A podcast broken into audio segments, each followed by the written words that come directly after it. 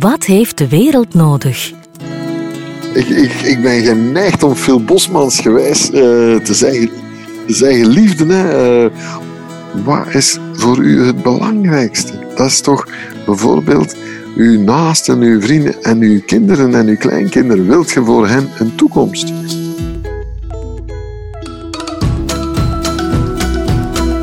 De samenlevers.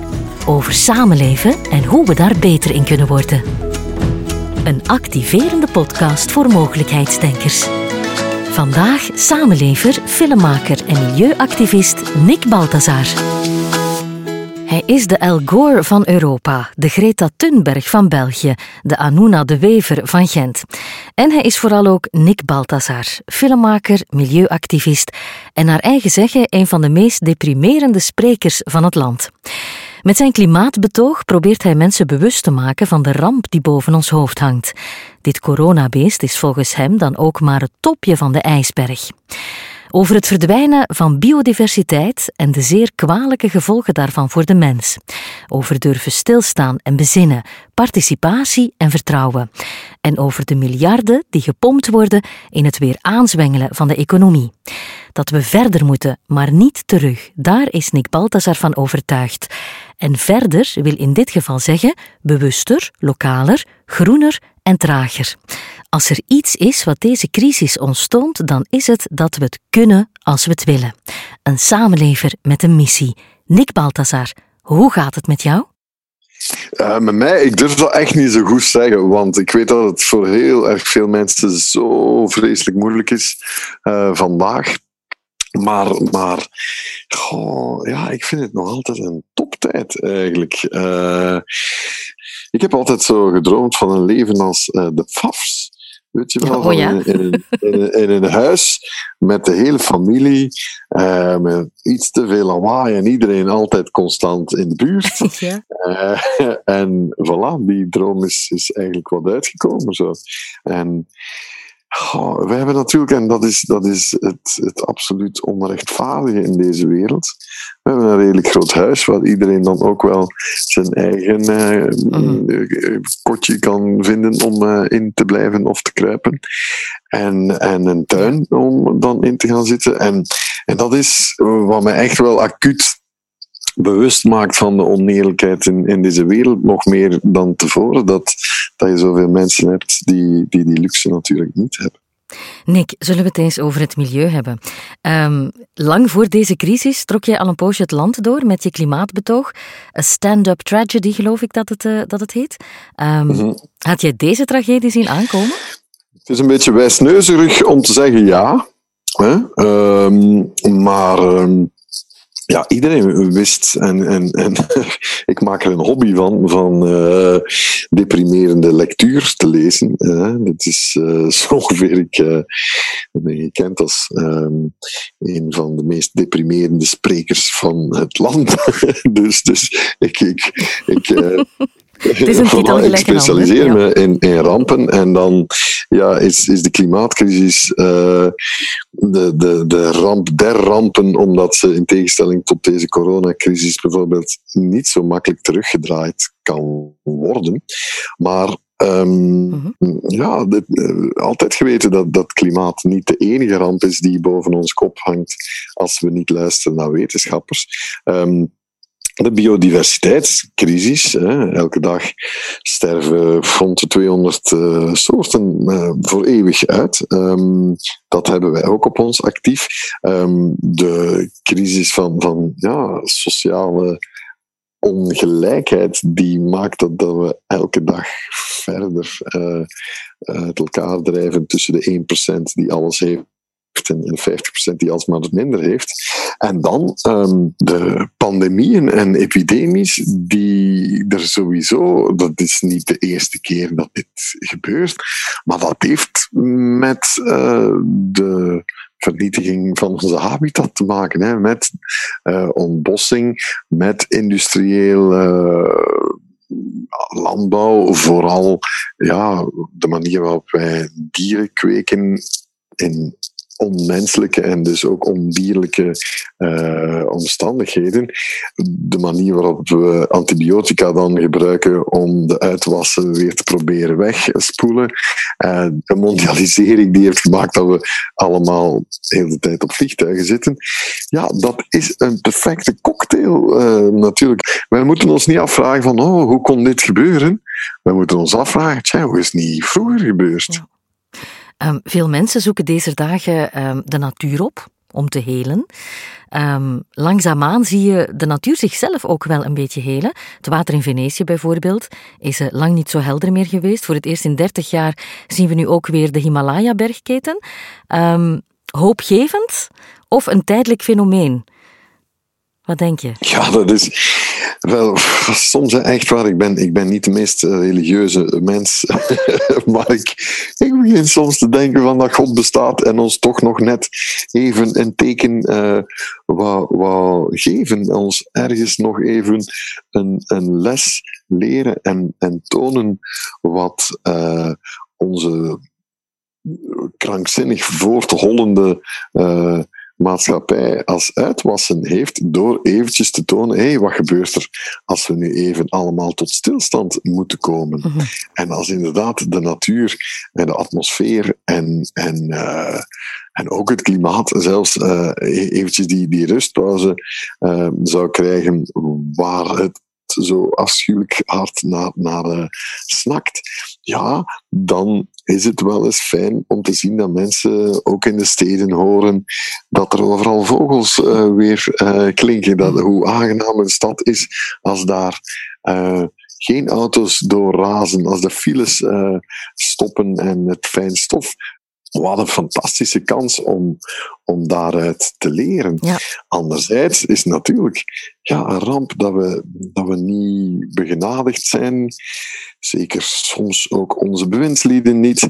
Met, met, met vooruitzicht hè, en, en met inzicht. Dus we, we staren ons nu weer eventjes blind op het moeten wassen van onze handen en, en de anderhalve meter afstand. Mhm. En daar doen we ongelooflijk uh, driftig over tegenover elkaar enzovoort. Maar wat de diepere oorzaken zijn, nee, daar gaan we ons toch niet te zwaar mee bezighouden. Want, want als we het oplossen, ja, dan moet de economie zo snel mogelijk weer aanzwengelen. En, dan zeggen, en dan zijn ze miljarden, miljarden tegenaan aan, aan het uh, knallen. Miljarden die er allemaal niet waren voor een klimaatcrisis. Er was, er was totaal geen geld om iets te doen. En nu plotseling ik weet niet waar al die miljarden vandaan zijn gekomen, maar het bleek toch allemaal klaar te liggen. Ja. Dus, dus enerzijds ben je hoopvol uh, dat de tekenen er wel zijn, anderzijds word je Wat doen we ermee met die tekenen? Ja, dat we daar niet echt naar kijken. Als we willen dat het meer is dan een tijdelijk fenomeen, als we de Himalaya willen blijven zien, hè, bijvoorbeeld, dan is er wel een heuse gedragswijziging nodig. We gaan het tij niet keren door enkele maanden in ons kot te blijven. Nee, precies. En, en uh, wat, mij ook zo intrigeert is, en, en allee, daarom vind ik wat, wat je aan het proberen bent nu ook met deze podcast echt wel interessant, van hoe kunnen we nu niet kijken welke gigantische voordelen we ook zouden kunnen halen uit gewoon mentaal stilzitten. Niet enkel onze planeet is, is uh, in een gigantische burn-out, maar ook, wat is het, 1 op de 10 uh, Vlamingen mm -hmm. staat op de rand van de burn-out. Nee, 1 op de 4 en 1 op de 10 zit erin. -hmm. Dus wat nu, als we, als we plotseling allemaal een beetje uh, verplicht worden om het leven van, van mensen met burn-out te gaan doen en, en, en thuis moeten blijven en moeten misschien al eens vertragen, bezinnen en uh, kijken wat we zouden kunnen doen in stilstand. Stilstand is iets ongelooflijk rijk, hè? Als je dat durft te doen. Uh, als je niet, zoals iedereen denkt, oh, wachten tot het zo snel mogelijk gedaan is.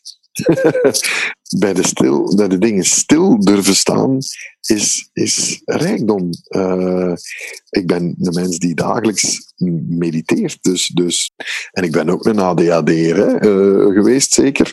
Uh, ik vind het een van de aangenaamste dingen die, die er is. Ja. En vanuit die stilstand dan opnieuw vertrekken en verder gaan in plaats van terug te keren naar het oude? Precies, hè? En, en, en ook nadenken over ons vertrekken. Hè? Is een mooi uh, spreekwoord die zegt: uh, als, je, als je voor een afgrond staat, dan is het toch niet altijd zo handig als je leiders hoort zeggen van dat we nog een grote stap voorwaarts moeten zetten. Uh, misschien moeten we ook durven een paar stappen achterwaarts zetten en dan zijwaarts en dan inderdaad naar, naar een, een toekomst toe. Ik zeg niet dat we terug moeten naar, naar middeleeuwen enzovoort. Mm maar, maar het gekke zou zijn als we nu inderdaad ons klaarmaken om zo snel mogelijk terug te keren naar hoe het uh, tevoren was. Hè. We zitten allemaal te zeggen, nu, hè, we, we, zullen doorgaan. Radio 1, we zullen doorgaan, we moeten dat elke dag. En ik vind het sympathiek en, en ik begrijp het. En dat is gewoon dat we zo daadkrachtig zijn. En, en, en, en, het zijn belangrijke zinnige acties hè, die onder die vlag worden ondernomen. Maar ik vind dat we ook dat andere liedje moeten durven zingen. We moeten stilstaan. Mhm. We moeten durven stilstaan in het donker van de nacht. Want, want als, je niet, als je in een donker mordicus wil blijven doorlopen, ja. ja dan knalt je nog zeker harder en zeker tegen de obstakels die, die er staan. Ja, we gaan daar voor deze podcast een gelegenheidsversie van maken, Nick. we, zullen, stilstaan. Ehm, de economie, het woord is al gevallen. Hè. Je hebt het er daarnet al even uh, over gehad. De voorbije jaren was het vaak een of-of verhaal. Of de economie, of het klimaat. Het was het een of het ander. Um, hoe kunnen we nu evolueren naar een samenleving waarin economische en ecologische duurzaamheid hand in hand gaan? Ik denk dat jij daar vast al wel eens hebt over nagedacht. ja, en de simpele les is hier, als je niet luistert naar wat uh, wetenschappers ja, zeggen, als je, en, en ook in ons land, en in de omringende landen, die hebben gezegd van nee, nee, we moeten vooral, de, de, de economie mag niet tot stilstand komen, moeten blijven draaien. We hebben gezien tot, tot welke catastrofes het leidt. Dan kom je dus inderdaad in, in een exponentiële curve die maakt dat je uiteindelijk in weer grotere problemen zit. De analogie nog heel even met klimaat is, al 30 jaar is men hetzelfde aan het zeggen. En ook hier, van zodra dat de curve, dat we die niet meer gaan kunnen flattenen van de temperatuur die naar omhoog gaat. Het grote verschil is natuurlijk dat je bij, bij corona krijgen we dit waarschijnlijk ook wel weer opgelost. En dan kunnen we verder gaan. Maar bij klimaat, een, pla een planeet krijg je niet afgekoeld. Dus, dus die catastrofe, die, ik vind het vervelend om het te moeten zeggen, op onze generatie afkomt, en zeker op die van onze kinderen, zal sowieso maken dat de, de economie zo kapot is dat, dat corona een, vakantiekamp zal, zal lijken. Uh, ga eens kijken op, op de Bahamas, op Puerto Rico of, of, zo, of, of in de uitgebrande stukken van uh, Australië, hoeveel economie daar nog is. Mhm. Dus het is waanzin en waanzin en waanzin om te blijven varen op kwartaalcijfers, zoals elke, elke multinational het doet. En, en ja, we zijn nu al wel een beetje bezig met, ja, we gaan duurzaam proberen economie en ecologie te verzoenen. Maar als je, als je in, in de feiten kijkt, ja, dan, dan is ook ja, de, de hoeveelheid CO2 nog altijd aan het stijgen uh, die we uitstoten. En zijn we altijd aan het ontbossen. En, en het is alsof wij nog altijd allemaal een lockdown party doen op klimaat. Uh, elke dag. Ja. En nu snappen mensen, oh, dat hadden we niet moeten doen, die lockdown parties. Oh, schandelijk van die jongeren. Maar ze maken ondertussen, maakt iedereen zich toch op voor zijn volgende reis als, als, uh, uh, als, als het opgelost zal, zal zijn en hoe we allemaal zo snel mogelijk terug uh, de boel gaan aanzwingen. Er is de voorbije week ook een nieuw woord opgedoken, um, of het was toch nieuw in mijn oren, misschien bestond het al wel, glokalisering. Uh, in plaats van globalisering. Uh, meer aandacht voor het kleinschalige, voor de lokale boer, voor de eigen buurt. Um, een positieve trend? volgens jou? Ja, ik vind dat wel. En, en, en uh, en wat dat betreft, opnieuw, inderdaad, eigenlijk is, is dat een mooie les die, die deze vreselijke ziekte ons aan, aan het leren is. Hè? Ehm, al heel erg lang zegt men dat het totaal geen zin heeft om rode wijn uit uh, uh, Nieuw-Zeeland, California of, of Australië te laten komen, als je dat ook ja, nu bijna zal kunnen gaan verbouwen bij ons, of toch tenminste in de Loire-streek. Mhm. En dat het geen zin heeft om appeltjes uit Nieuw-Zeeland te laten komen, als die hier ook in uh, Haspengouw heerlijk lekker zijn. Ja. Um, uh, dus, dus inderdaad, lokaler uh, voedsel bijvoorbeeld. Um, in plaats van onze varkens vet te mesten met soja uit het Amazonewoud en dat te verkopen aan de Chinezen enzovoort. Ten, ten, ja, maar zo doen we het mhm. vandaag. Hè? Mhm. In, uh, vandaag meer varkens in ons land dan, dan mensen. Hè? Dus iedereen weet dat dat waanzin was, maar het, het positieve van, van natuurlijk inderdaad elkaar in die barre tijden te gaan ondersteunen, kan wel tonen dat, dat een, een lokaal georganiseerde economie uh-huh. uh, voor iedereen uh, duurzame winst kan, kan uh, op, opleveren.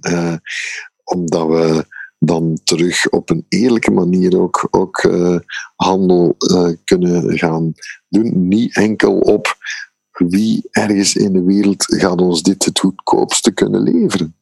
Maar hoe kunnen we aan elkaar kwalitatieve producten uh, terug uh, verkopen en, en, zelfs misschien niet verkopen, verhuren en, en, en, en delen op een totaal andere manier dan dat we bezig waren. Wat ik vind dat deze crisis ons ook uh, getoond heeft, of aan het tonen is, dat is uh, dat we het wel kunnen hè, als we het willen. Dat we in staat zijn om op korte tijd ons gedrag aan te passen, als het moet. Precies, hè? En, en dat is wat we dan altijd maar, maar uh, horen van, ah ja, de maatregelen, klimaatmaatregelen, er is geen draagvlak voor.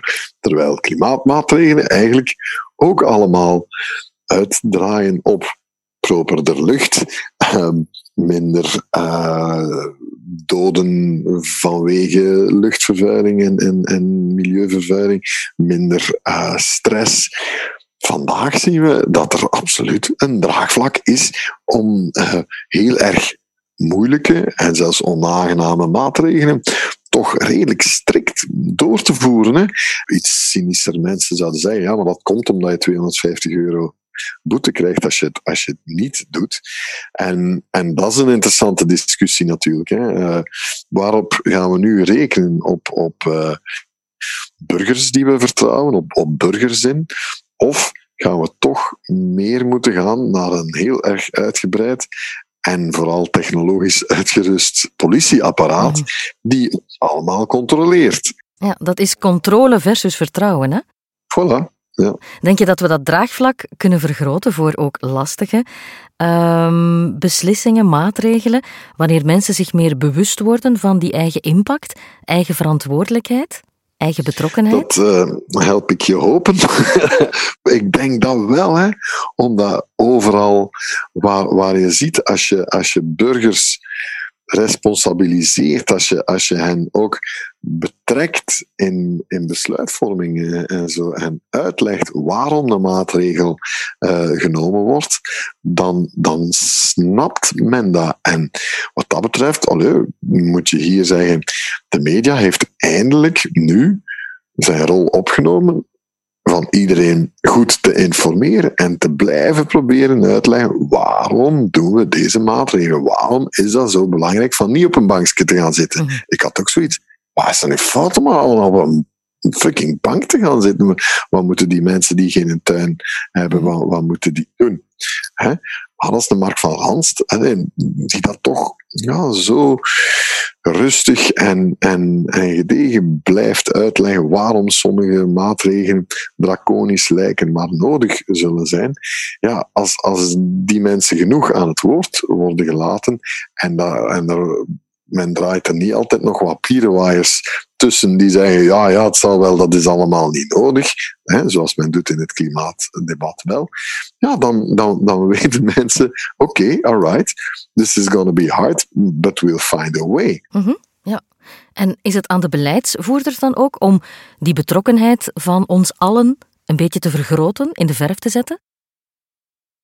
Ja, maar ik vind het wel schoon dat, dat, op dit moment bijvoorbeeld ja, iets, iets terug naar, naar voren komt waar, waar we misschien vroeger hadden eigenlijk ook over moeten nadenken van zouden we niet inderdaad burgers meer moeten betrekken ook echt bij besluitvorming. Mhm. hè? Zoals de David van Rijbroeks van deze wereld met de G1000 eh, en met, participatieve democratie zijn aan, aan het bepleiten. Ook al uh, een flink pak, pak jaar. Ik begin daar meer en meer in te geloven. Dat zet mensen, burgers, gewoon random gekozen door, door, door loting of zo, bij elkaar.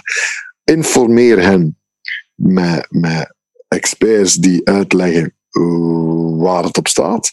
En laat hen beslissingen nemen die dan politici, beroepspolitici, helpen uitvoeren. Ik denk dat daar mhm. op, op die manier dat je nooit meer kan zeggen, ja, maar ja, de mensen willen dat niet dan kan je altijd zeggen, nee, nee, maar de mensen hebben dit besloten. Ja, ik heb alvast de indruk op dit moment toch dat er meer en meer stemmen opgaan voor die participatieve democratie. Het is, het is, en dat is fantastisch hè, met, met, met crisissen. Dat is ja, de shock doctrine, hè, zoals Naomi Klein het zegt. Uh, je, je, kan op, op een mum van tijd uh, uh, samenlevingsprocessen zien doorvoeren of, of zien veranderen, te goede of te slechte, die, die, uh, waar je normaal decennia voor, voor nodig hebt.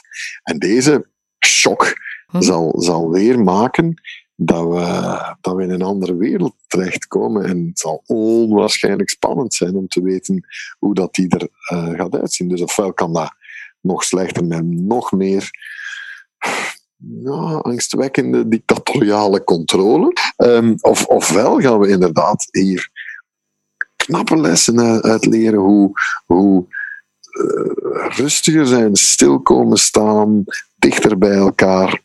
Enfin, dan toch zeker op, op intellectueel en, en, gevoelsmatig niveau, hoe dat ons daar rijker gaat ga kunnen maken. Dat gaat de grote coronavraag zijn voor de toekomst. En, uh, ja. Nick, uh, nog één vraagje. Wat heeft de wereld nodig? heeft de wereld nodig? Ja, ik, ik, ik ben geneigd om veel Bosmans gewijs uh, te zeggen zeggen, liefde, hè, wat is voor u het belangrijkste? Dat is toch bijvoorbeeld uw naasten, uw vrienden en uw kinderen en uw kleinkinderen. Wilt je voor hen een toekomst? En dan zegt iedereen, ah ja, natuurlijk, dat is voor mij het belangrijkste. Mhm. Dus liefde moet maken dat, we daar gewoon slimme beslissingen in nemen en, en, en minder kortzichtigheid. En, en dus, ja, daar um, is, is uh, ja, dan moet als, als, als men zegt van mij optimistisch of pessimistisch, hè, dat is een domme vraag. Dat vraag niet aan iemand uh, wiens, wiens familielid of wiens kind of, of, of zo op een intensieve uh, is aan het vechten voor zijn leven. Dan zeg je, die moet er doorkomen, snap je? Die, whatever it takes nu. Hè? En het is dat geloof dat ook maakt dat veel mensen er wel aan het doorkomen zijn. Dus dat geloof, we moeten niet pessimistisch zijn als je denkt, ja, dit is toch niet meer goed te krijgen, want dan zal het ook niet meer goed te krijgen zijn. Je moet niet onnozel optimistisch zijn van, oh, het zal wel goed komen, zonder iets te doen, want dan doe je ook niks. Je moet activistisch zijn. Ja. Want het tegenovergesteld van, van activisme is inactief zijn. En door inactief te zijn is nooit iets opgelost. Ja, maar toch, Nick Balthazar, wij zullen stilstaan. We gaan er toch een hit van maken, hè? In het donkere van de nacht, tot, uh, ja, tot de zon weer opkomt. Hè. En, uh, tot we weer samen zijn. Voilà, en dan feesten we verder. Nick Balthazar, heel erg bedankt hoor. Het klimaatbetoog van Nick Balthazar kan je gratis bekijken op VRT Nu.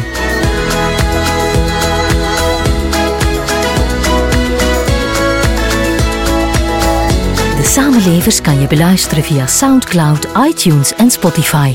Voor een overzicht ga je naar de Facebookpagina De Samenlevers.